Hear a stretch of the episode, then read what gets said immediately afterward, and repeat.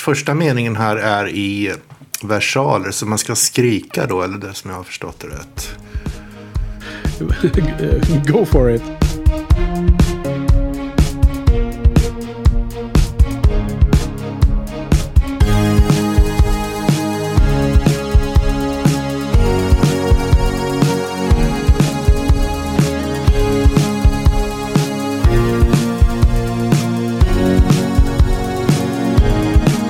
Välkomna till Shiny-podden säsong 6 och det sjätte avsnittet. Eh, med mig Henke och vid min sida via länk från England Frans. Välkommen Frans! Hej, tack så hjärtligt. Ja, eh, vi sitter här nu ännu en kväll och ska kolla på eh, och har tittat på ytterligare en eh, Hitchcock-film. Eh, denna säsong, Hitchcock. Och eh, Eh, veckans film är ju Sabotör från 1942. Ja, så... Eh, men vad säger du? Har vi någonting i inboxen om vi börjar den ändan som vanligt? Då? Har vi några kommentarer på hemsidan som då för övrigt är shinypodden.se? Ja, vi har en kommentar på um, filmen vi såg för några veckor sedan, Mr. and Mrs. Smith. Jag har nästan glömt av filmen redan ska jag säga. Nej, precis. Men, men eh, så Sofia tar upp den intressanta tesen att det här med, med två makar som krigar eller tävlar mot varandra, att det är någonting som är, är signifikant just för det amerikanska kulturlivet. Ja, men jag tycker det är en jättespännande spaning. Um, Absolut. Och man, det, man kommer direkt att tänka på en film som heter uh, The War of the Roses. Med Michael Douglas och Kathleen Turner. Kommer du ihåg den rackaren? Ja, ja visst. De hänger i kristallkronorna och förstör hela huset. Ja, den, är det slutet på 80-tal eller kan vara tidigt 90-tal. Men den, den poppar upp direkt i huvudet på mig. Och, eh, jag tror hon är inne på något där. Alltså det, det känns som att det finns många filmer som har den här typen av eh, konflikt. Och att det kanske ofta är i form av att det ska vara lättsamt hum humoristiskt. Och sen skulle det vara romantiskt också. Eh, för jag menar, självklart finns det väl filmer i alla filmkulturer som handlar om eh, hur relationer blir dåliga på riktigt. Liksom. Riktiga alltså breakups och sånt. Men jag, tror att den här genren vi är inne på nu, där det liksom ska göras som en kul grej. Att eh, den äkta maken och den äkta makan liksom har någon form av strid. Men det, allting är, eh, eh ska sluta lyckligt ändå. Det, det, det kanske är något som är amerikanska filmen hör till. Det, kan vara så. Eh, Sofia lyfte väl den här tv-serien, Jims World, vad den nu kan heta i Sverige. Ja, jag har inte sett den eh, faktiskt. Jag tror att det är den tv-serien där Jim Belushi spelar en, en familjefar. Så ja, har han någon fru och barn och så. Jag gissar att de håller på och blir galna på varandra. Ja, det, fin det finns ju en, en, lucka man måste täta här först i det här resonemanget. Och okay. man, man, måste se till att, man inte, att det inte bara är frågan om urvalskriterier. Va? Om det, säga, säga att eh, 5 av alla filmer behandlar det här motivet. Och eh, man ser så pass många filmer från USA att man får se en stor del av de filmerna. Men man kanske inte ser tillräckligt många ryska eller vietnamesiska filmer så att man någonsin får se just de filmerna, även om det skulle kunna vara så att det är lika stor andel sådana filmer i alla kulturer, så kanske man inte, inte ja, ser dem när precis. de inte är amerikanska. Det, det, måste man ju kolla upp först tycker jag. Nu, nu kommer den eh, stipendievinnande matematikern Frans fram här i podden helt plötsligt. ja, precis. Man måste vara noga med, med statistik. Men ja, jag, jag, jag men tycker det, också det är, det, är, det är intressant också historiskt. det finns ju...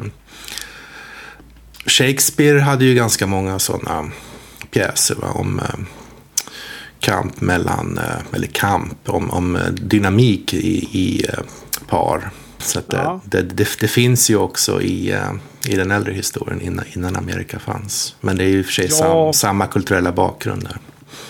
Ja, exakt. Jag skulle säga det att om det finns mycket i Shakespeare då är det väldigt nära.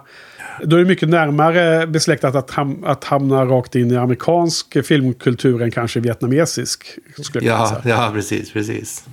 Alltså det finns mycket, mycket, och, mycket, och, mycket otroligt intressanta aspekter på den här kommentaren som jag skulle vilja forska i om jag hade mer tid. Precis, du får, får ta känslighet en vecka eller två och försöka verkligen uh, fördjupa dig i den här uh, frågeställningen som Sofia kastar upp här. Ja, det känns som att det krävs mer tid än så. Jag, hittade, jag sökte lite vagt, men det verkar inte finnas någon bra fokuserad forskning på det, så det finns definitivt en öppning där. Ja, det låter härligt. Mm. Ja, eh, det var Eh, kommentarer och vi har också givit lite svar och så här fram och tillbaks på eh, uh, Mr. och Mrs. Smith då förstås. Uh, sen har vi Suspicion också som kom ut här i måndags, bara häromdagen. Uh, vi, för nu poddar vi lite tidigare än normalt just den här veckan. Men vi har ändå hunnit få in en kommentar på den filmen också tror jag. Ja, precis. Från, från uh, Jojonito som som uppskattar att vi har koll på span, jojo-spaningen om höga höjder. Och det, ja, det, det, det, har vi lärt oss tycker jag nu de senaste filmerna. Så jag hoppas att det håller i sig idag också. Ja, det, jag kan lova att det finns med i notesen.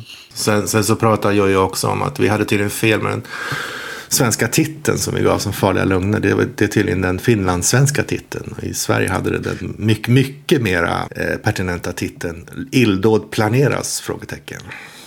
Ja, exakt. Med, viktigt där med frågetecknet. Och Illdåd planeras? Frågetecken är ju fall bättre än eh, farliga lögner. Det kan man ju hålla med om.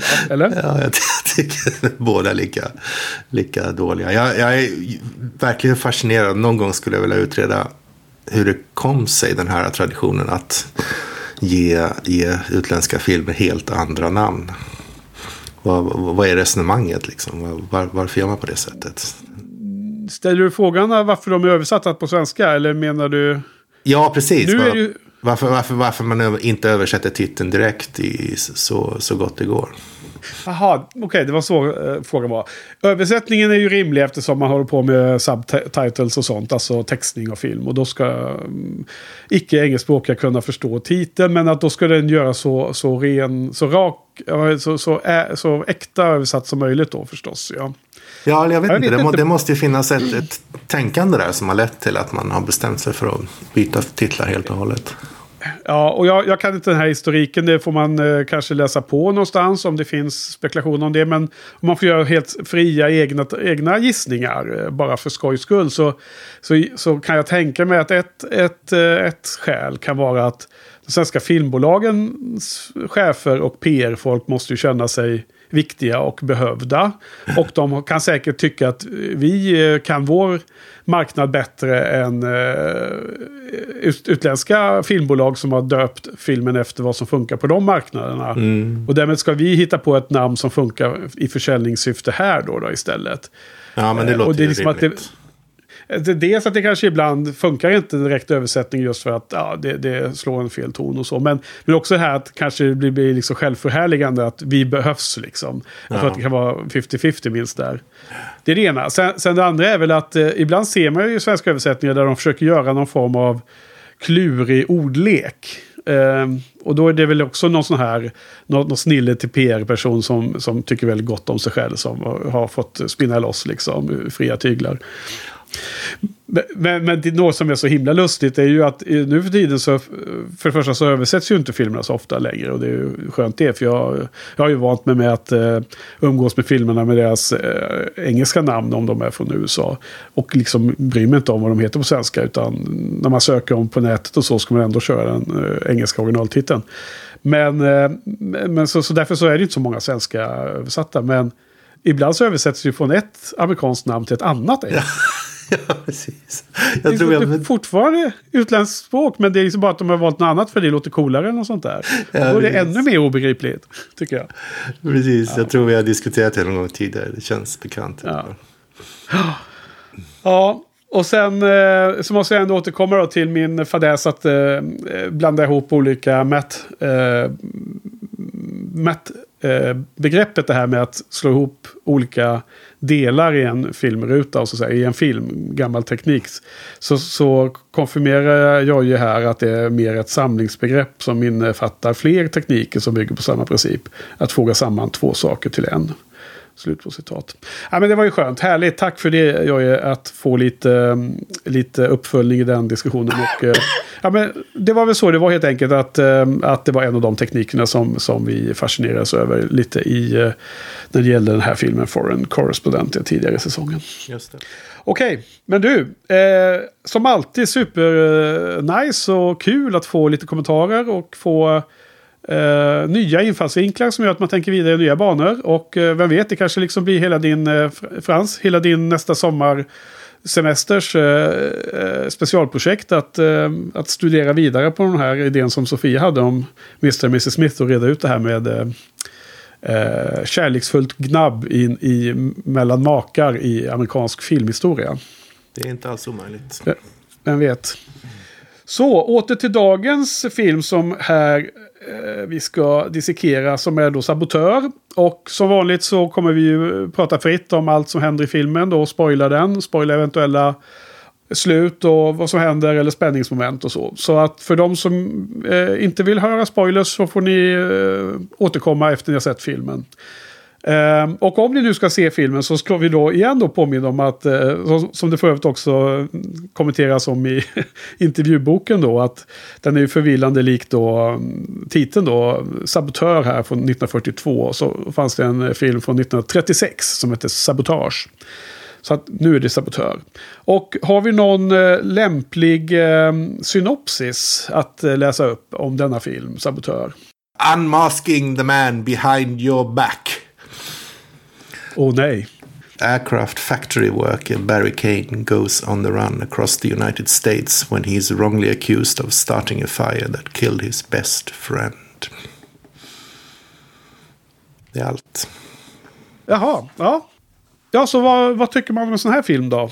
Vad tycker du overall? Ja, som jag sa lite förra veckan så är det en gammal film från eh, barndomens tv-tittande. Och när jag såg den första gången var i, i den åldern när man läste Vredens druvor och eh, tv-serien Jagad, om du kommer ihåg den, gick på tv. Men, eh, en doktor Ja. som letar efter en enarmad man som sen blev en film med Harrison Ford. Och man, man läste också Dr. Chivago och man läste om Lewis och Clark och de här episka resorna över kontinenter. Så att, som jag minns den här filmen så var det just en, en episk flykt genom USA. Om än i, i fel riktning kanske från eh, väster till öster. Men, och, med en oskyldigt anklagad person som hade all, alla makterna emot sig. Så den spelade på alla strängar på den tiden i alla fall. Och nu när jag såg om den många år senare så kanske jag tycker att den inte riktigt är lika spännande som då. Men den är inte helt ospännande heller. Så att, eh, lite, lite grann på nålar i alla fall under stora delar av filmen. Men det finns, det finns Ja. massa, massa små saker som man upptäcker nu som, som är lite... Eh, som man blir lite otillfredsställd av och som, man kan, som vi kan prata mer om senare. Och, eh, Absolut. skådespelarna, jag tycker han är ganska endimensionell som en sån amerikansk helylle figur. En sån kille som om man hade en sån på jobbet så skulle det klia i fingrarna att eh, hitta olika sätt att få honom att öppna upp sig på. Hon, hon är... Vad menar du? Du vill Ja, men- ta ut honom på, på bakgården och mula honom? Liksom. Nej, nej, bara, bara hit- hitta rätt, eh, rätt saker att prata om. Han, är- han är så Ja. otroligt opersonlig tycker jag i den här filmen. Jaha, det var så du menade. Mm. Okej. Ja. Och eh, hon är väl okej. Hon, har, hon har den här, det är ju inte hennes fel. Hon har ju en accent som påminner om de här fem fatalfigurerna i film noir-filmen. Hon kan ju inte riktigt hjälpa att hon har en accent som man eh, associerar med helt andra typer av roller på grund av filmer som Men- spelades in långt senare. Ja. Och, eh, Hur menar du att eh, fem fatal... Eh, karaktärerna pratar då? Ja, men hennes accent, så här lite korta, stackade meningar med lite checka, tuffa ord och sådär. Jag vet inte var accenten kommer ifrån.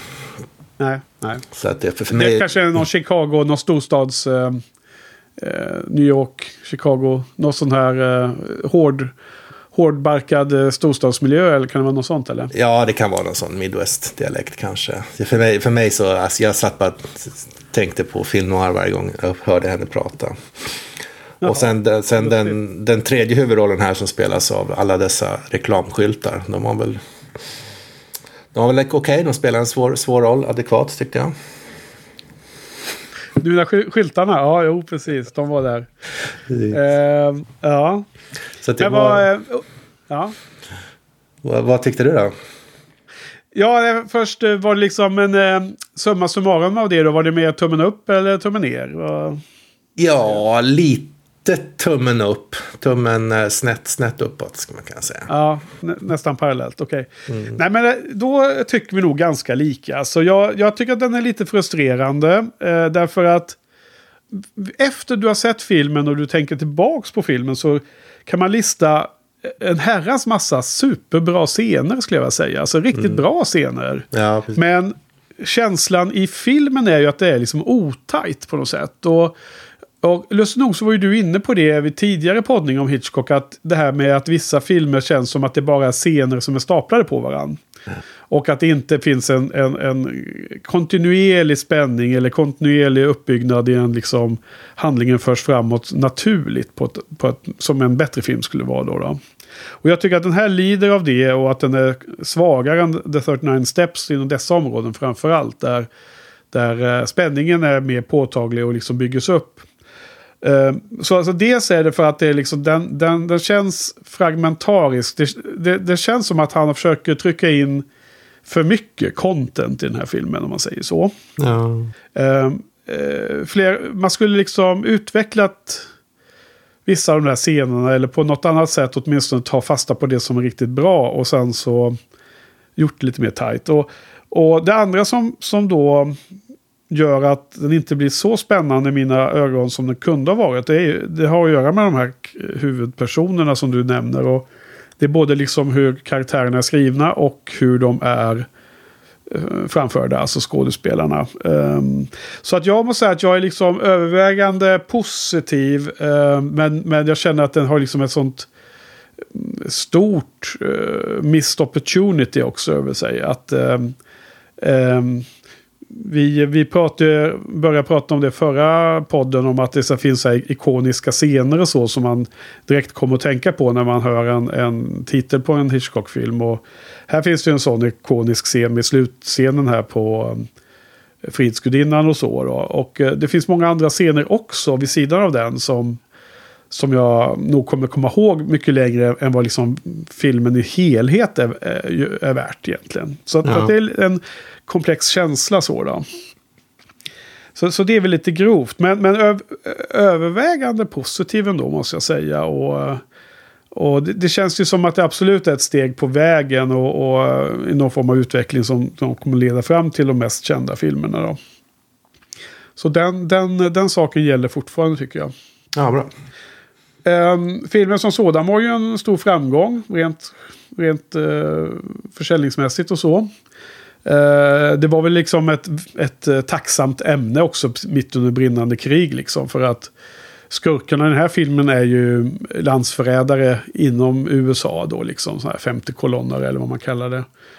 Ehm, och ehm, den här är ju en film som Alfred Hitchcock har tagit fram själv med, eh, med sin fru och, och jobbat vidare. Och sen har de haft vissa andra manusförfattare inne då. då. Men eh, den, här, eh, den här samarbetspartnern som börjar som någon form av assistent eller sekreterare och gick via manusförfattare och sen blev egen, eh, som blir liksom jobbade på egen, egen hand om man säger så. Eh, och, och gjorde en egen karriär då. Hon, Joan Harrison, eh, står med också som författare till filmen. Så, så jag tror att det är liksom till stor del eh, Hitchcock med.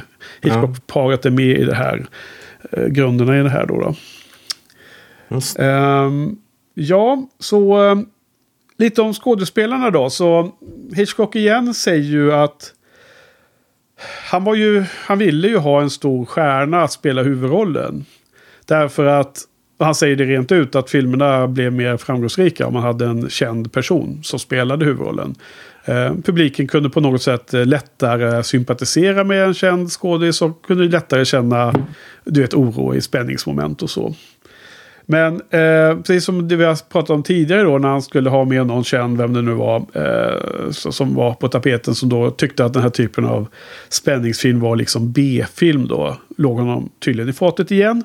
Så då blev det den här eh, Robert Cummings, eller Bob Cummings. Så han var väl mer ett sånt där, ja, var, var mer lättsam komedifilm som han jobbade inom tydligen. Ja, ja. Så att eh, Hitchcock eh, tyckte att han var bara helt okej, verkar det som. Liksom. Men in, inte, inte mer. Nej. Eh, det, är ju, det är ju tre skådespelare jag tror, tycker man, man bör nämna då. Den, den andra är ju den kvinnliga huvudpersonen då. Och hon heter ju Priscilla Lane. Och spelar här då, vad heter hon? Pat Martin heter hon, Patricia va?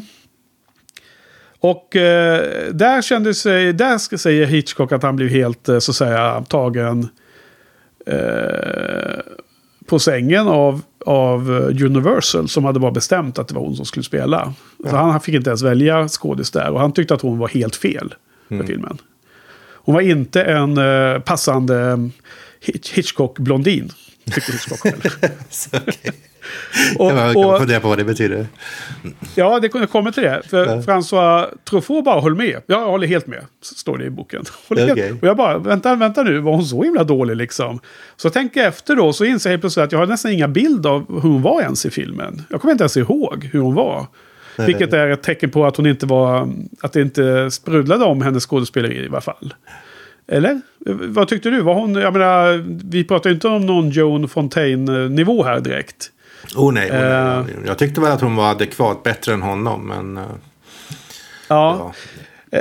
Det visade sig att vad de menade var, eh, som det står i intervjuboken i alla fall, att, att hon var mer som en, eh, du vet så här, mer för alldaglig. Hon såg ut som eh, tjejen i huset bredvid liksom. Hon var Ja. för, såg för normal, eh, så alldaglig ut, om man säger så. Hon såg inte, hon hade inte mystiken eller allure eller något sånt där va. Ja, okej. Det, det, är min, det är min tolkning. Och, och exakt vad det betyder vet jag inte riktigt. Men jag menar, han har väl haft liksom Ingrid Bergman och Grace Kelly och andra. Jag menar, man, man, man kan väl börja ringa in sen efter ett tag vad de här riktigt stora filmernas kvinnliga hu, hu, huvudrollsskådespelare, liksom vilka som valdes ut, så får man väl kanske till slut koll på vad en sån här typisk Hitchcock-blondin eller kvinnlig eh, ja, Hitchcock eh, ska vara liksom. Eh, och sen den, eh, den tredje som jag tycker är lite intressant. Det är ju han som spelar den här eh, riktiga sabotören. Han som eh, bränner upp fabriken i inledningen av filmen och, och som eh, heter då Frank Fry. Eh, Lustigt efternamn med tanke på att han håller på med eh, bränna upp saker. Så heter han Fry. Eh, skådisen Norman Lloyd. Eh, smal ansikte, lite vässel, ser ut som en vessla ungefär. Om man tänker sig. Eh, eh, på på Blu-ray-skivan som finns i den här Hitchcock-boxen, volym 1 då. Med en 6-7 filmer. Och det var den boxen som, eh, vi, som Patrik vann i eh, tävlingen i förra säsongen. Här har vi filmen Sabotör. Och eh, då finns det ju mer en dokumentär. Och den dokumentären tror jag gjordes på 90-talet eller tidigt 2000-tal. Och där är då den här skådisen då, som spelar Frank Fry, han som heter Norman Lloyd, är liksom värd och den, och den som leder oss igenom dokumentären om, om då den här filmen. Och han är ju så supertrevlig. Eh, eh, så här, riktigt så här eh, påläst. Ehm, allmänbildad får man en känsla av. Har koll på liksom litteratur, filmhistoria. Ja, det mesta liksom. Och eh, otroligt angenäm eh, dokumentär som jag då avnjöt efter jag såg filmen igår. Mm. Och, eh, och han, eh, han hade kommit in på bananskal och, och han, han sa att han gjorde en superdålig audition. Där han liksom spelade... Han, han kom direkt från teatervärlden och han, han, liksom, han kände i efterhand att han måste ha spelat över något otroligt jämfört med hur det funkar i film. Liksom. Ah, ja, han var liksom så te te teatralisk och Shakespeare eh, eh, actor liksom. Men det var någonting i det där som Hitchcock hade sett då och som han ville ha. Så att han fick jobbet i alla fall. Och, och sen har de ju blivit eh, vänner och samarbetade mer och han blev själv producent och så senare. Och eh, som jag förstår har varit också i olika filmroller långt in på 90-talet och kanske ännu lite längre till och med. Visste du att han, att, han, att han lever fortfarande, 105 år gammal? Det visste jag inte men eh, jag såg någonstans att han har gjort film efter millennieskiftet och det känns som att han måste vara, börja bli ganska gammal då ja. Ja. Ja, nej, han var eh, väldigt intressant eh, dokumentär och det finns många lustiga små kommentarer runt det som kanske kan återkomma till senare här i podden. Ehm, vi kan, eller ska vi börja med en första liten anekdot så jag kan sprida ut dem lite. Ja, visst. Från dokumentären. Är det intressant? Eh, ja. Ehm, jo, men eh, det var en intervju med fotografen som var på den här filmen. Då, då. Josef Valentine. Cinema, cinematography. Och då hade han ju en kul anekdot om Hitchcock då. För det, vi har ju pratat om det tidigare att Hitchcock gick ju den långa vägen och jobbade med de väldigt många olika eh, jobb inom filmproduktion innan han blev regissör och manusförfattare. Så han hade ju koll på bra många, mycket saker. Och han, du vet, han har ibland varit fotograf på filmer. Eh, och också att han är väldigt aktiv och eh, vad heter det, uppfinningsrik när det gäller de här eh, praktiska eh, specialeffekterna. Eh, bland annat så upp, uppfann de ju en ny specialeffekt eh, just den här eh, slutscenen när han faller ner ifrån Fridsgudinnan där. Men, men det här handlar om något annat då. Då hade tydligen fotografen då eh, frågat Hitchcock om, om Hitchcock ville titta in i kameran för att se det här perspektivet som kameran kommer fånga. Se den rutan, du vet. Se in i linsen för att se scenen. För att fotografen ville väl att regissören skulle kunna förklara mer vad han ska fokusera på när han filmar och så. Det är ett sätt att kommunicera. Och då hade liksom Hitchcock tittat på honom och sagt att jag har, jag har tittat i en lins förut. Och, och sen så hade han fortsatt med att förklara alla scener exakt som det ska se ut i kameran. Så att han hade de här bilderna i huvudet mycket mer. Och det har ju framkommit på annat sätt. Och även i den här Excel-materialet så får man ju se sådana här eh, storyboards och sketcher som tydligen Hitchcock gjorde ofta när han pratade med, med folket om hur de, han ville ha det. Han har ju ritat och visat exakt hur det här ska ske. Så att eh, man får ju en viss respekt för Hitchcock då. Han må, må ha varit liksom burdus och kanske lite så här eh, rätt fram och hålla på och köra med folk och sina practical jokes och sånt där. Men jag tror nog att han, eh, han, han underbyggde nog det med att vara extremt duktig på mm, typ det mesta som skedde på set. Liksom. Så han, han, han var nog eh, väldigt, väldigt eh, eh ja, kompetent helt enkelt. Ja. Det får man alltid ge respekt för.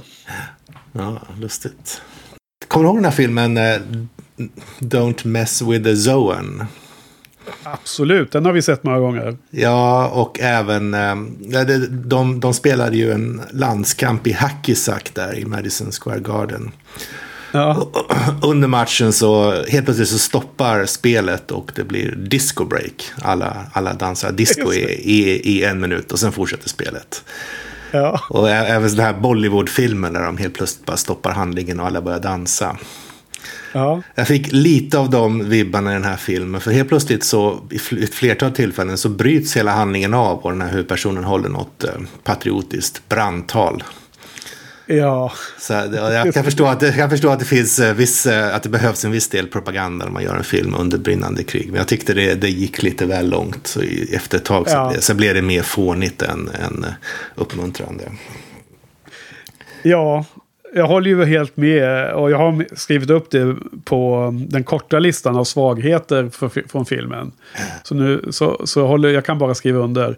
Eh, det var, vilka var det? Kan vi exemplifiera? Eh, vilk, har du någon speciell eh, scen du tänker på som stack ut extra eller? Ja, nej, jag kommer inte ihåg. Det var ju ett, dels när han pratade med eh, Tobin, alltså huvudskurken första gången. Va? Och sen så var det väl också när de, ja. när de var i stugan senare. Och han pratade när han lyckades nästla sig in hos det här gänget också. Va? Ja, just det. Men det var, även med det här cirkusgänget var det, kanske inte var han som höll brandtalet där, det kanske var en av cirkuspersonalen. Ja, det var, det var ju också mot slutet tror jag det var något som var så här otroligt over the top där. Eh. Var det hon som, som läxade upp eh, Fry på slutet också? Ja, dels var det väl det, men det var ju, du vet, han fick ju nys om att det var något som skulle hända i Brooklyn. Just det. Var det väl. Och då visade det sig att det var ju den här eh, sjösättningen av ett stort skepp som skulle, de skulle fördärva det så att det kapsejsade då. då. Ja. Och då var det något att han står i någon scen och skriker åt skurkarna att liksom, det här får ni inte göra. Det, var, ja, det, var, det kändes liksom eh, annorlunda, vad heter det, tonaliteter. Det håller jag helt med om. Ja. Men, men, och det, det var liksom kanske sådana partier som var, som var just de grejerna när jag pratade om att det fanns massa bra scener men att det var liksom måste tajtas till och göras mer konsistent liksom som en hel, hel fungerande historia. Just att det var lite så här avbrott emellan av, det, man kände som att det var andra syften som uppfylldes där. Ja. Ja, precis. Jag menar, det, hade, det hade funkat även utan dem som propaganda tycker jag. Med att man måste hålla utkik efter, utkik efter 50-kolonnare i samhället. Och att det, det är viktigt att se, se människors inre godhet och allt sånt där. Det hade Ja. det funkat ändå liksom. Ja, förvisso. Samtidigt, jag som just, har just avslutat Stockholms filmfestival här hemma i Stockholm. Och jag menar, det är fortfarande filmer som är så extremt over the top övertydliga för att få fram ett budskap. Så att det är, jag är ju samma, samma fel fortfarande, filmskapare. Det är ju verkligen ingenting som har försvunnit bort liksom. Nej, Att, nej att, precis. eh, men men jag håller ju helt med om att ofta så eh, blir man ju bara... Man, blir, liksom, man, man slår ju dövörat till eller blir till och med eh, taggarna utåt när någon ska trycka ner eh, ett tydligt budskap i halsen på en. Då. Utan det, är, ju- det är mycket mer effektivt om det liksom är någonting som bara organiskt finns i en bra historia eller en bra be- berättad historia då på film. Ja, Då kan man ju verkligen ta åt sig budskapet och verkligen känna det.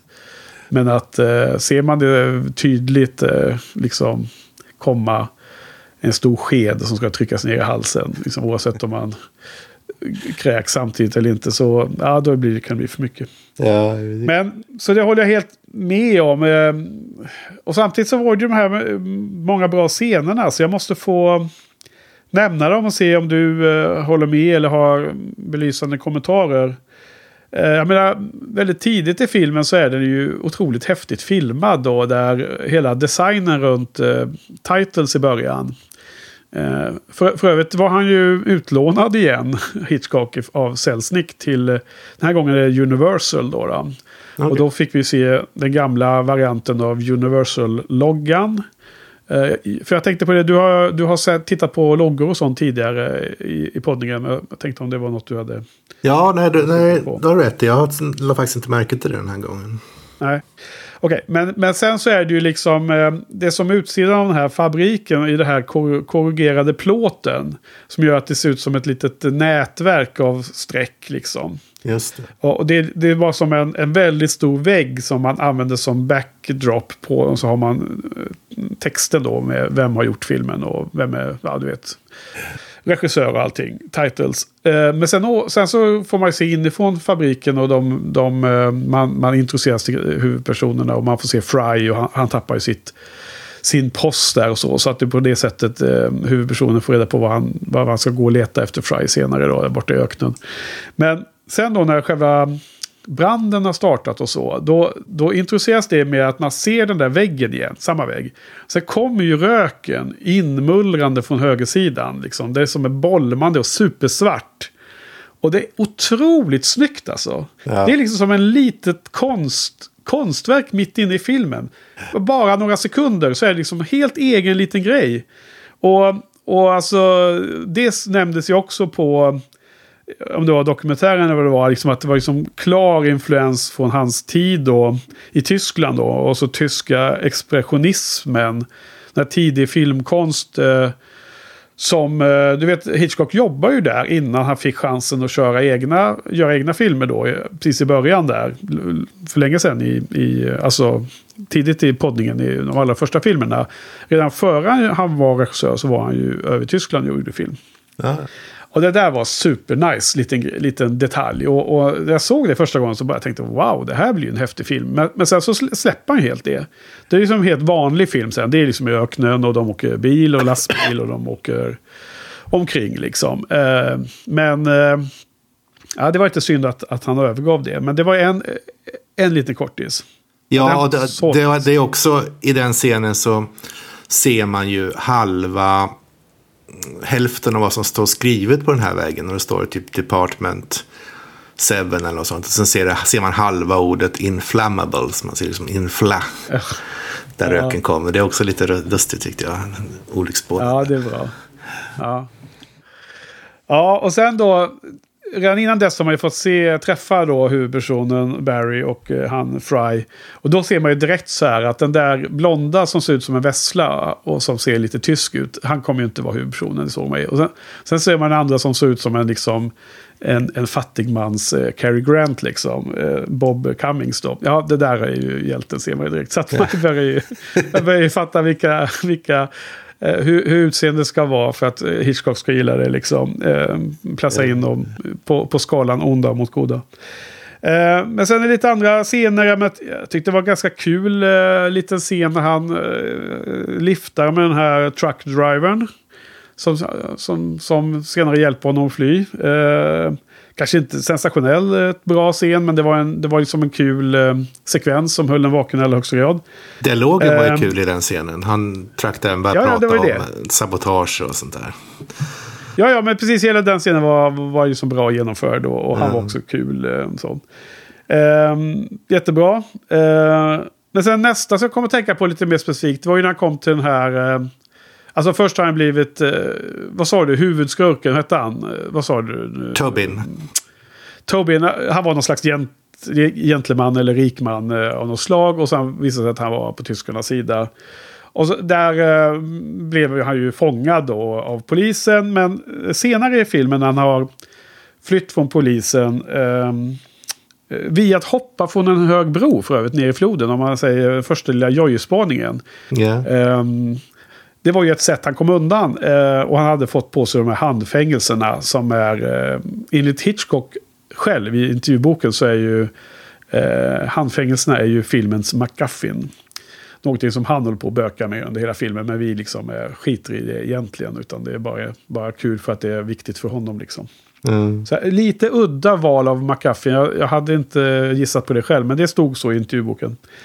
Eh, jo, men eh, jag blev också lite besviken när det var det här. Så himla hög var ju inte bron. Jag tyckte att fan, den var lite för låg alltså. Det, den här verkligen var eh, Jojje-spaningen. Jag tänkte liksom vilken, vilken fadäs, vilken eh, nesa. Jag skrev ivrigt upp detta för att komma ihåg det. Men, men lyckligtvis så visade det sig att hela slutscenen, hela hela eh, crescendot av filmen är ju på en mycket högre höjd och mycket mer specifikt liksom en sån spaning. ja, precis. Eh, men sen kom vi till den här ganska kul, inte kul utan ganska bra scen och det är hos den här blinda mannen. Så vad har vi på den egentligen? Alltså den här blinda och otroligt eh, älskvärde humanisten och eh, ja, med stort hjärta och stor själ. Känns det som. Ja, den ja. mannen Då, då, då kommer vi in på mitt lilla quiz som jag tänkte överraska dig med här. På den här. För det finns ju ett, an, ett antal scener som är hämtade ur eh, andra referenser och ett antal scener som, eh, som man känner igen från senare filmer och böcker också. Aha. Och den här scenen hos den blinde mannen, den är ju hämtad ur en känd bok. Aha. Som är eh, Mary Shelleys Frankenstein. Va? Frankensteins monster kommer ju in, går omkring i skogen och träffar på en avsides, avsides stuga där det bor en blind man som ser, ser den inre godheten hos honom och tar hand om honom. Där det är ju i, i, i stora delar identiskt med den scenen i den boken. Vilket minne du har. Alltså den boken. Eh, det måste ha varit länge sedan du läste den, eller? Ja, det var det väl. Men jag läste många gånger tror jag. Ja. Därför att det var ju en av de böckerna som du eh, rekommenderade mig att läsa när vi hade sån här eh, byta boktitlar med varandra. Ja, ja just det. Just det. Eh, och det, den läste jag ju då, så jag har ju läst den. Och jag Ja. kommer nu vagt ihåg den scenen. Just för att han var blind och såg inte hur Frankensteins monster såg ut. Eh, Nej, precis. Och mo- monstret var väldigt självmedveten om att han såg helt eh, förfärlig ut, eller eh, hotfull ut. Liksom. Just Och då fick han eh, känna mänsklig värme och kärlek för första gången, va? Monstret. Precis. Ja, Nej, men det, jag tyckte det var en spännande scen och bra. Och, och där, men där är det en av de här talen. För när dottern kommer där. Eller vänta, det är någon syster, någon uh, nis. Uh, Ja, syster precis. eller brorsdotter. Då, då blir det ju liksom, hon, hon förstår att uh, vår hjälte är uh, eftersökt av polisen. Och så blir den konflikten. Och, och så blir det ju hon då. Det är, det är hon som är blondinen. Och som alltid då, precis som i The 39 Steps, så är hon ju då eh, emot eh, hjälten och ska mm, ange honom och försöker lägga krokben på honom på olika sätt och vis. Men sen så efter ett tag så kommer hon eh, liksom mer och mer... Eh, blir mer och mer övertygad om att hjälten är liksom, man kan lita på honom och han är inte den onda utan så börjar de samarbeta och till slut så är de förälskade. Enkelt. Det måste ju vara, det måste ju Okej. vara en nis vet du, i amerikansk film. På samma sätt som, Vadå då? samma sätt som Knatte, Fnatte och Chatte måste vara brorssöner. Annars, Ja, annars så blir det krångligt att förklara varför han inte är gift och sådär. Måste man ge sig in på det. Ja, just det. Ja, just det. Ja, Men, men eh, vi, nej, fortsätter, vi fortsätter quizen tycker jag. ja, Scen, scenen på ranchen där han träffar eh, Tobin första gången. Och eh, eh, fler, flera, flera, nej, och flera andra scener dem emellan. Eh, till exempel när, de är, när han flyr från eh, den här fina town, vad heter det, townhouset i, i New York på slutet. Det tycker jag är direkt hämtad ur en eh, populär agentfilmserie. Eller direkt kopierad i en populär agentfilm. Men är det då den här Jagad som du nämnde tidigare? Nej, jag tycker att det är... Det här är ursprunget för James Bond. Aha. Det här konversationen de eme- emellan, liksom den civiliserade, älskvärda konversationen trots att båda vet Ja. vad, vad den andra är. Man, man kan nästan höra Tobin, man väntar nästan att Tobin ska säga någonting i stil med You, you only live twice Mr. Kane.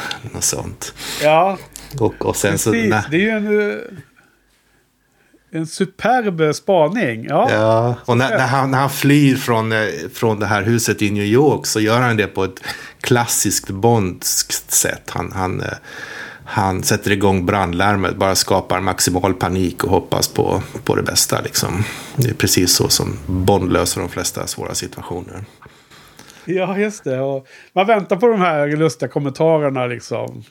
Precis. Take good, precis. care of, take good care of Mr. Bond. Make sure that some harm comes to him. Precis. Ja, precis. Allting är Och vi, vi hade ju den spaningen med Secret Agent tror jag det var i första säsongen. Där vi till och med frågade om det här Ja. var något som Ian Fleming hade tittat på som inspiration. Och det här tycker jag ännu mer tydligt är någonting som man måste ha haft som inspiration till Bond. Ja, ja precis. Och, och, och där, därmed kanske vi har börjat ringa in eh, ännu mer väl beskrivet varför den inte känns så tight och så helheten inte blir lika bra som enskilda scener är. Att den har liksom olika, det är flera filmer i en. Precis. För jag menar, det, det stämmer ju helt som du säger när han är hos Tobin där ute på ranchen. Det är liksom lite feeling av typ diamantfeber. Där när de åker omkring i öknen utanför Las Vegas och sådär. Det är liksom den miljön. Och sen när de är i New York, ja, då är det kanske det, ja, det är också diamant, diamantfeber från scenerna i Amsterdam. Där kanske lite åt det hållet. Eh, in i något hus eh, och ska ut igen och sådär. Eh, ja, men det, det är kul. Okej. Ja, vilket spännande, spännande, utmanande quizar du har här på. på. Eh, Som, som bonus till den spaningen så skulle jag också vilja säga att han, han rör sig väldigt mycket som Sean Connery. Sean Connery. Så ibland så ser, ser det nästan så att man tror att det är Connery som går omkring där när man ser honom bakifrån till exempel. Jaha, nej, det tänkte jag inte alls på. Men vi ska Sean Connery vara med i en av Hitchcock-filmerna som kommer? Han kommer att vara med i en, i en film senare, ja precis. Ja, det blir bra. Då får Men vi titta på honom mer igen. Ja, dessutom så tyckte jag han pratade som James Stewart. Var det något du tänkte på? Nej, inte det heller tyvärr. Han hade samma tjocka, tjocka röst som James Stewart. Så det, det, var, det, Jaha, var, det blev väldigt konstigt. Ibland så var dialogen jättekonstig. Man hör James Stewart prata med någon sån där fem fatal-donna från någon film noir. Och sen så handlar filmen om något helt annat. Ja, eh, jag förstår verkligen. För jag har råkat ut för det på en av filmerna på filmfestivalen. Att det var en karaktär i en film som pratade väldigt likt som en karaktär i en helt annan film gör. Och då, man liksom gjorde den kopplingen tidigt i filmen så var det väldigt svårt att bryta loss det. Man fick liksom vibb från andra filmer med sig. Ja, precis. Eh, där, där mot slutet när de eh, ska bryta sig ut från det här eh, stora festen som är hos den rika damen som också är en av nazisterna. Eh, och det är, en, det är en bjudning där med societeten och det, det är liksom eh, kända folk där nere. Eh, och då har de svårt att ta sig ut. Eh, det pratas också om att det är en vanlig situation som Hitchcock ofta jobbar med och att de är det är liksom publikt och samtidigt är de hotade. Eh, du vet, skulle de bara gå mot utgången då skulle de bli tagna av skurkarna där. Men, och, och så måste de agera runt det här då. då. Uh, och jag vet inte, det, det, är möjligt att man har sett det fler gånger. Eller så får vi hålla det här spaning på det. Att den här liksom hotet som är och jagad men också i ett publiksituation. B både, både 39 steg, 39 stegen och i... Uh den som slutar på teatern, vad hette den nu då? Uh, the, the Man Who Knew Too Much. Ju... Det, båda de ja. har ju de inslagen. En, en, en, en, av, en, av, en av publikscenerna här, jag tror inte det var den du menar, men en, en av de senare de är publik, den är ju nästan en kopia av den i 39 stegen när de springer omkring på biografen eller teatern eller vad det är. Ja, för, för den här scenen leder ju in till den här scenen som är i Radio City Music Hall. Där, där eh, de gjorde en väldigt kul äh, grej med att publiken sitter och tittar på film i filmen. Och vår hjälte kommer in och det blir en eh, jakt och eh, skottlossning där inne på det stora eh, ja, film, vi, vi, filmvisningen med massor med folk då, som sitter och skrattar i film, åt filmen. Eh, och samtidigt som det skjuts på filmen i filmen så skjuter våra våra huvudpersoner och Fry då mot varandra. Eller Fry skjuter väl mot de andra tror jag det är. Eh, eller hur det är det? är Fry som är jagad nu tror jag förresten. Eh, det är inte huvudpersonen som är jagad. Men skitsamma, så det är där de hamnar i alla fall efter att de har tagit sig loss. Och... Eh, Ja, men det var en ganska kul eh, idé och det, det, känns som att det kan ha varit första som har gjort det. Det, här, det, det som den filmen man ser i filmen på duken där inne, det är ju inte en, en eh, riktig film utan det är någonting som man har spelat in för det här. Då, då. Ah, ja. Och sen har de synkat upp det hela liksom. Jaha. Gjort en grej av det. Så det var också ytterligare en sån här idé som Hitchcock hade då, där, där man kanske får en känsla av att han försökte exekvera allt för många idéer i den här filmen. Ja. Eh, en annan otroligt bra scen som nästan är favoriten i hela filmen eh, och som är riktigt jäkla nice. Så skulle man börja ge pris för bästa scener och sånt i, under poddsäsongen då skulle den här absolut vara nominerad. Och det är ju när, eh, vad heter han, eh, Barry och eh, hon Pat eh, håller på och flyr undan och de hamnar inne hos ett eh, cirkusfolk på en, i en karavan. Just det eh, lastbilar som åker på vägen.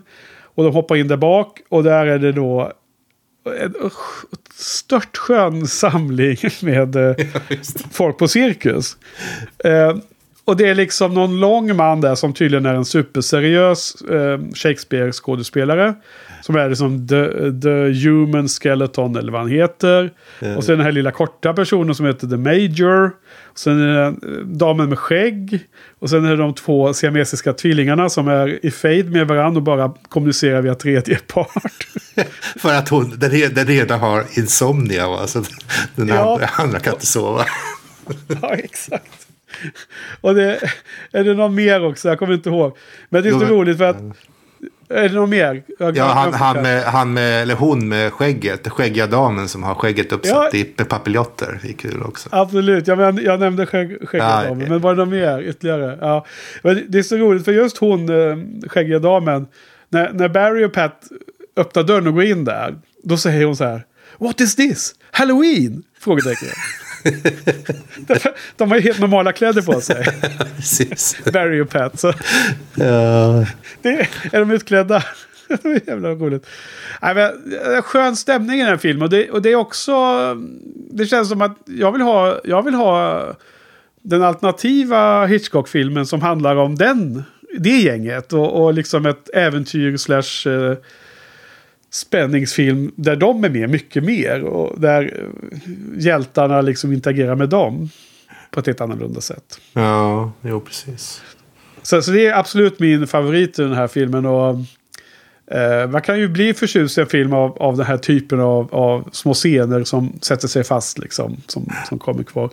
Eh, för övrigt så tyckte jag att hela den eh, stämningen runt den var ju också eh, påfallande lik flera sådana här Roger Moore eh, Bond-filmer. Där, där han liksom alltid hamnade i tokiga situationer känns det som. Ja, precis. Alltså det var ju mycket så här humororienterat. Ja.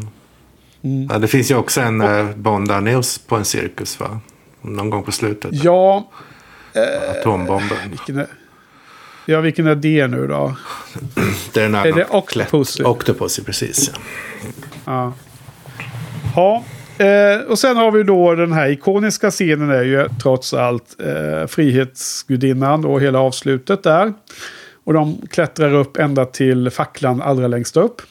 Då hade man ju byggt upp då eh, i, i rätt storlek då hela armen och facklan från Frihetsgudinnan. Som då stod på golvet i en studio. Och sen gjorde man här inspelningen på, ja, i rätt storlek om man säger så då.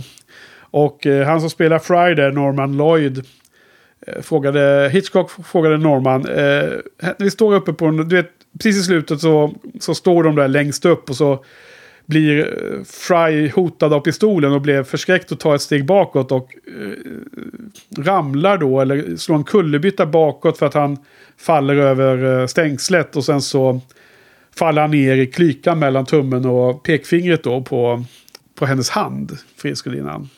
Just. Och då hade ju Hitchcock frågat så här, kan, kan du göra det där? Och han bara, ja ja, såklart. liksom. Så han gör ju det. det. Det är ingen stunt som har gjort, stuntman som har gjort det, utan det är han själv. Och eh, på första försöket så lyckas han fånga sig och, och, bli och liksom inte glida ner. Eh, på, på golvet då i studion hade man liksom inte varit ett stort fall, men det var tydligen första tagningen. Så det är ju kul. Eh, vad tycker du om det, hela den här sekvensen? Och känner du spänning? Eh, har du några eh, insikter att dela med dig? Jag har, jag har en, en anekdot faktiskt. För när jag var på, Ja. på Universal Studios för många, många år sedan. Slutet på 90-talet måste det ha varit. Då, Ja. en av attraktionerna där var att man fick gå in i en eh, studio, en sån här studiohangar och titta på olika stuntuppställningar. Eller säger, trickfilmsuppställningar. Och bland annat så fick man eh, ta ett kort där man hängde ner för Frihetsgudinnan. På samma sätt som man Ja. gjorde i Hitch, någon Hitchcock-film. Jag är inte helt säker på att det var den här filmen. Om det finns fler filmer där han hänger i Frihetsgu- Frihetsgudinnan. Så, så någon, någonstans så finns det ett foto där jag hänger precis som han gjorde här. Nerför Frihetsgudinnan. Då måste vi leta fram det. Det, det ska vara den nya omslagsbilden på Shiny-podden ju. Så, Ja, jag, vet, jag vet inte hur man hittade det. Det var ju långt innan det fanns digitalkameror och sånt. Så det är oklart om det går att hitta. Men det var lustigt. Man, man fick se precis hur det var gjort. Och eh, hur, hur det såg så himla farligt ut. Fast man st- stod på golvet i princip. Ja. Men, men eh, menar du att du inte köpte kort, eh, fotot utan du menar att eh, det skulle gå att hitta på annat sätt? Det går det ju inte då. Ja, men jag tror att det var väl någon av oss som var där som tog kort. Va? Här, men det, det är om det skulle finnas en papperskopia kvar någonstans då. Okej. Oklart.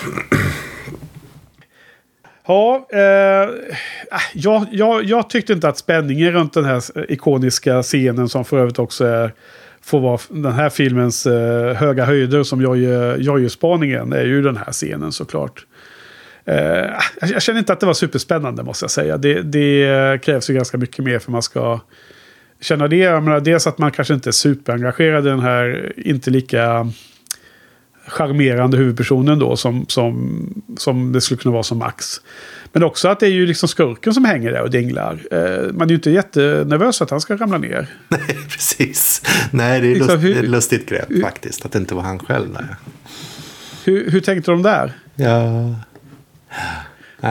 Hans, eh, skurkens liv hängde på en skör tråd kan man säga nästan. Alltså bara bildligt talat då. Ja, precis. Och, och bokstavligt, eller? precis. Det var ju... Nej, det var i jacka där. kostymen. där, Tröjan. I sömmen, ja just det. Den, den, han var en för dålig skräddare. Ja, okej. Men du, ehm, säg något mer då. Har du, har du något annat att tillägga? Har du mer i din quiz? Quiz, några andra scener som du drog paralleller med? Ja, den, den du redan nämnde när han hoppar i floden med handfängslarna på. tycker jag känns som att man har sett i senare filmer. Först, först så tänkte jag att det kanske var den här Midnight Run. Men jag tror inte det är. De hoppar aldrig från någon bro där va? De hoppar bara från eh, någon klippa på strandkanten. Det är en fin film, men jag kommer inte ihåg något om en hopp ner i en flod. Nej. Ja, de simmar ju definitivt omkring i floden va? Eventuellt med handspräns. Men jag tror inte de hoppar från en bro. Så det är nog inte den jag tänker på. Men jag helt, känns helt säker att man har sett den här scenen. Hoppa ner i en flod. Han fängslad. Ja. Okej. Men eh, tyvärr har jag inte svaret själv. Men det kanske lyssnarna kan bidra med. Ja, precis. Vi, vi brukar ha en shout-out per avsnitt till lyssnarna där vi ber om input och hjälp med. Och i det här fallet får det vara detta då. Vilken, vilken film är det som har smugit sig in i Frans huvud eh, och som påminner om eh, hoppet från bron här av Barry när han flyr från polisen första gången. Precis. Men sen, sen är det också den här som jag nämnde i början med reklamskyltarna är lite roligt. De, han får dem att eh, bidra till eh, handlingen och i ett fall också till själva dialogen. Han, han Ja. säger någonting och reklamskylten svarar. Och så, svarar, Ja. han, svarar han på det reklamskylten säger. Ja, alltså var det så eh, elegant till och med? Det, det tror jag kanske att jag missade, men det var helt klart att jag hängde med på att reklamskyltarna beskrev tankar eller situationer som, som storyn övrigt hade kommit till vid det läget. Det, det hänger jag med på. Det fanns ju även en, Ja, an, det- en annan dialog när de var hos den här blinde mannen. Där de, istället för att kameran går ut och visar vad som händer utanför fönstret så blir det som en dialog där huvudpersonen beskriver Ja. exakt vad som händer. Just det. han pekar på att det kommer en bil. Nej, det kommer två bilar. En är polis, en annan är en kvinna och så här. Han säger. Ja, precis. Jag tyckte det var ett lust, lustigt sätt att göra en scen bara. Ja. ja, just det. Ja, men nu är det lite annorlunda. Ja. Är det Men sen så tyckte jag att slutet var... En av anledningarna till att det inte var så spännande när han hängde i Frihetsgudinnan det var att hjärnan hade svårt att komma ikapp tyckte jag. För man förstod, eller jag förstod i alla fall aldrig riktigt vad som hände där. Helt plötsligt så... Först var han jagad, huvudpersonen. Och sen så helt plötsligt så trodde alla i FBI och alla poliser att han var oskyldig och började jaga den andra istället. Jag hade väldigt svårt att komma ihåg var, varför det blev så, den vändningen där. Det hade någonting med hon, hon ringde till FBI-chefen på något sätt och sa att nej, han är oskyldig. Alltså- Eh, lite lustigt för att en av mina återstående eh, notes här är exakt detta. Ja. Jag, eh, jag, efter filmen var slut så satt jag och undrade om jag hade nickat till där mot slutet. För jag har inget minne av att han inte är eh, misstänkt längre. nej, Och och nu ställer du exakt samma fråga. Så att eh, det var väldigt grumligt helt enkelt. Det kanske inte var så att man nickade till där. dessutom så säger ju Fry när han hänger där att om, om du räddar mig så ska jag klära ditt namn, säger jag. Ja. Men sen visar det sig att Jo, han var men ändå Fry visste väl inte hur mycket, han visste väl inte hur mycket han var i deep shit. Nej, nej, det, det gör Så det är väl rimligt. Just det. Ehm, nej, utan jag tror nog att det var mer så att han var inte misstänkt längre. Utan han var bara en, en god människa som ville eh, rädda den här personen. Alltså, det var ju som en person som på stö- störtar mot sin död. Och det oavsett liksom, han får åka i fängelset, fine. Men, men han ville rädda honom i stunden. Um, det, det, den, den enda lilla spänningen man kände i den där scenen var just att när han började klättra ut själv då, hjälten med sina liksom lågskor som ser ut som så här, eh, halkiga på undersidan av skorna. Och så skulle han börja klättra på den där jätte... Eh, som eh, den här fingrarna i statyns hand där såg ju väldigt avrundade och mjuka ut. Liksom. Det fanns ingenting att ta spjärn mot. Så det kändes som att han kunde lika gärna falla ner själv ju. Ja, just, Och, men han klarar sig. Just det. Eh, ja, men det var kul att du lyfte den, för det var en av de sakerna jag hade kvar. Jag, jag har också no jag har två till som jag vill ta upp. Okej. Eh, behöver inte ta med varenda liten detalj, men det finns två roliga grejer. Eh, det ena är ju då Hitchcocks eh, cameo i den här filmen. Och det händer ju också. Detta sker, eller först då, var det något du la märke till eller? Jag missade den själv, Nej, helt.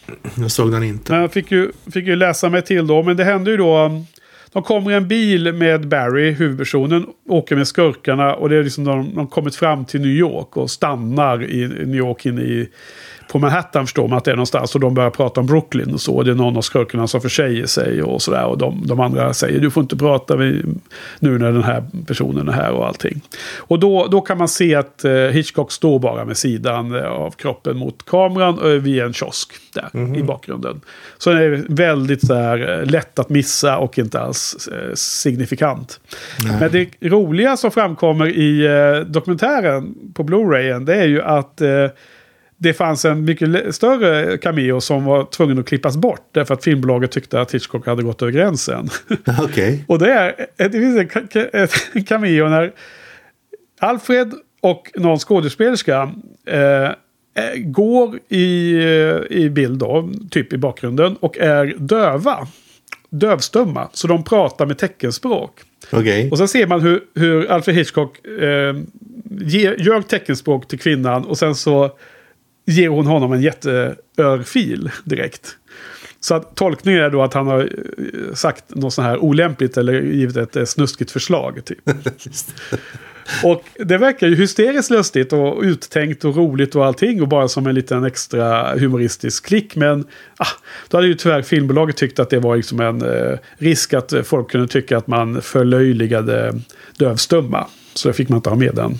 Jaha, okej, okay, okej. Okay. Uh. Och det gjorde, han, det gjorde han världens tråkigaste cameo istället. Jag gissar att han gjorde det i protest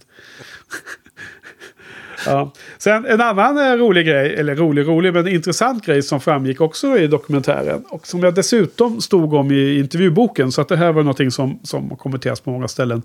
Och det är ju att eh, i slutet av filmen så eh, åker eh, Fry, skurken, bort till eh, båten som tar honom till Frihetsgudinnan. Och i taxifärden på väg dit så tittar han helt plötsligt ut genom fönstret och då ser man det här stora skeppet ligga kapsejsat i, i dockan. Det, det, här, det, här, eh, det här eh, sabotaget som sker i Brooklyn lyckas ju. Eh, trots att vår hjälte försöker hindra det så, så blir det ju ändå lyckat. De, eh, han trycker på den här knappen och det är någon, någon spänningsscen där. Men är det verkligen och, så? Eh, är det verkligen Är det inte ett annat skepp man ser där? Ja, i, i filmen ska man... Ja, det, det, är många saker här. Jag, jag tänkte att det är klart att det är skeppet som de har fördärvat. Och jag tänkte, ja det var ju en...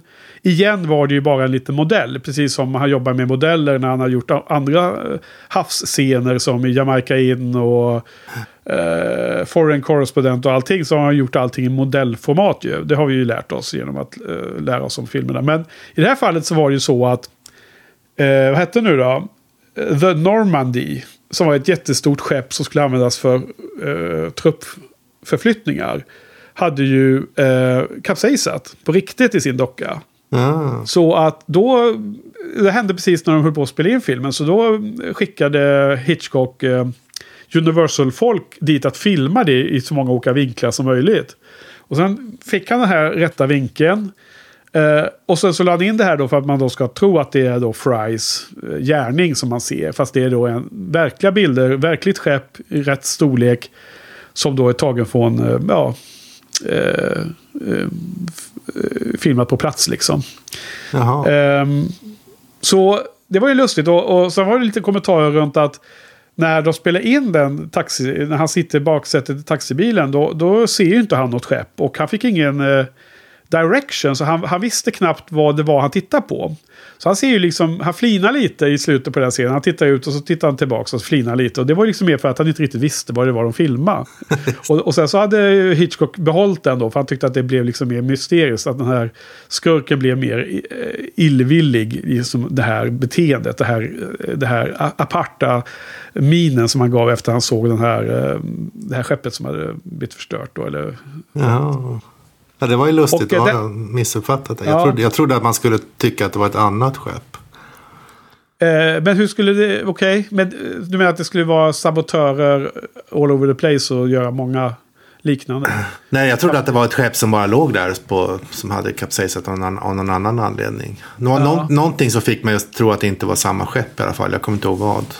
Det kanske var hans eh, aparta eh, min då och skådespeleri runt det. Att, att det kändes, att du, att du direkt sniffade upp den dissonansen som, som beskrevs som ett eh, briljant val av Hitchcock att behålla den där konstiga minen han gav. Ja, mycket möjligt. Mycket möjligt. Då fångade du att det var något där i det. Så det var ju, det var ju, känns, det var ju finlir av dig där. Men, men i praktiken så var det ju ett annat skepp. eh, Eftersom det var något som inte ens var i filmens värld utan det var i den verkliga världen. Ja. Och, eh, och för att det inte skulle misstänkas att det var ett, ett riktigt sabotage och att amerikanska eh, marinen inte lyckades skydda sina tillgångar. Så försökte ju försvaret, eller armén eller vad det nu heter, när, liksom försvarsmakten försökte ju stoppa den här filmen bara för det. Jaså. Men det, det vill de inte veta om. Eller de, de försökte få Hitchcock att klippa bort det rättare sagt tror jag mer. Men det vill han inte veta av. Så det var ju med kvar i filmen. Och, och det, det som jag har förstått, det som hände i verkligheten var att det var någon form av eh, olycka, eldsvåda på båten och sen att den kantrade då, kapsejsade i, i, i, i sin docka eller i hamn då. då. Men en sista grej jag måste fråga om. När hon sitter där, hon är ju instängd i någon lägenhet i New York. Hon sitter högt upp och skriver ett hemligt meddelande. Som hon ska slänga ut genom fönstret. Då Ja, kommer det in en skurk och ger henne en milkshake. Som hon sen be- betalar för och ut, utan att lämna dricks. Det är helt obegripligt. Varför, varför betalar hon för den? är det room service eller vad är frågan om? men hon har väl beställt den då jag. Hon var väl törstig. Ja, men det, är ju, det är ju sånt som så här the next, next door, eh, liksom girls. Alldagliga, vanliga, liksom wholesome American girls vill ju ha milkshakes. Så det är väl rimligt liksom. Att, Jo, ja, men va- varför ska hon betala skurken för milkshake? oklart. Ja, jag vet inte, jag kanske nickar till ändå redan så att jag känner inte ens igen scenen. Jag har ett vagt minne av det. Ja, men du, eh, jag tror att du har eh, uttömt eh, de här punkterna som finns att prata om här nu ikväll faktiskt. Ja. Eh, ska vi börja wrap it up eller? Vad säger du? Ja. Då eh, är det faktiskt din tur att eh, avlägga, vad heter det, betyget nu. Jag ger den 2,5. Den eh, Nej, skulle kunna varit en, Ja. skulle kunna varit en tvåa egentligen. Men det, var, det är ju massa roliga referenser och roliga skämt i cirkusbilarna där som gör att den är lite bättre tycker jag. Ja, Och den skulle kunna varit Ja. en trea utan de här eh, parodiska propagandan också. Så att 2,5 känns bra. Ja. Ja, du är känslig för den, den, den typen. Ja, jag, jag stör mig inte så mycket av det, även om jag tycker att det är, eh, det är inte på plussidan. Så, så jag har gett en 3 av 5 då, då har jag Ah, tänkt. Härligt. härligt. Eh, det är ju liksom ganska tydligt snäpp ner från förra veckans film. Eh, och samtidigt så är det ju, eh, tre för mig är ju väl godkänt och rekommendation att titta på. Och, och det har att göra med ett antal eh, briljanta delmoment i denna film som, okej, okej, helheten är kanske inte bäst, bästa man kan tänka sig, men jag tycker absolut att den var kul att ha sett och värd att se och så. Eh, runt en del saker här. Ja, eh, men det var ju kul. Eh, tack för det, den, den, eh, det samtalet om den här filmen. Så vi ska ju eh, kämpa vidare här och eh, en film per vecka ända fram till jul. Men i alla fall, eh, nästa vecka så har vi en film från 1943, ett år framåt i tiden. Och det är denna film som jag gissar är en av hans tyngsta filmer, en av hans bästa filmer i hela, hela katalogen eventuellt. Och den heter Shadow of a Doubt. Och detta ska vara Alfred Hitchcocks personliga favoritfilm från sin filmografi. Oh, wow. Om det nu kan stämma. Om det nu kan stämma. Jag tror det. Ehm, och du har såklart sett den här när du var ung, liten. Eh, ja, eventuellt när jag var lite äldre. Lite oklart. Ehm, som vanligt så eh, har jag inte sett denna. Eh, och eh, den beskrivs på Wikipedia som en psychological thriller film noir. Wow. Eh, och det är helt klart så att eh, psykologisk thriller är ju någonting som han gör allt som oftast. Men jag märker också att här nu 40 och 50-tal va, så är det väl en hel del film noir som han gör också. Och eh, det är ju spännande för det är en genre som jag är obekväm med. Eh, där det finns vissa favoritfilmer men, men väldigt många kanske jag ratear lite lägre än vissa andra. Jag ratear de filmerna. Så att det är en, det är en genre som jag tror att jag behöver eh, förkovra mig i mer för att bli mer eh, bekväm med. Ja, får Det blir hoppas, att den spännande. är, hoppas att den är bra då. Ja. Ehm, och den är ju också skriven av lite olika folk här, inklusive Alma Reville igen. Så det är klart att Alfred och Alma var, är ju med och skriver den här också. Så att det här verkar vara någon form av o- original eh, story som de har i den här filmen. Mm. Eh, huvudperson, Joseph Cotton. Det är nog ett namn man känner igen, va? Tror jag. Oh ja, oh ja. Skådisen. Oh ja. Tredje mannen. Ja. Just det. Han jobbar med Orson Welles en del, ja. Och han är ju med i The Philadelphia Story också, som är en favorit. Ja, ja, okej. Citizen Kane, ja, ja, det ser man. The Third Man och så vidare. Sabrina, mm, okej. Oj. Eller uppföljaren till Sabrina verkar det som förresten. Ja, men du, eh, jag tror att vår tid är ute nu va? Eh, eh, taxametern tickar på. Snart är eh, pengen slut. Så Ja. eh, har du något eh, mer att tillägga för ikväll? Nej, bara vi måste tacka herr Lundqvist för signaturmusiken. Ja, precis. Vi ska tacka Niklas för den fina signaturmelodin som vi använder i Shiny-podden. Och så får jag tacka för ikväll Frans. Ja, Tack. Henrik. Och så tackar vi publiken och på återhörande om en vecka. Ha det! Ha det gott, hej.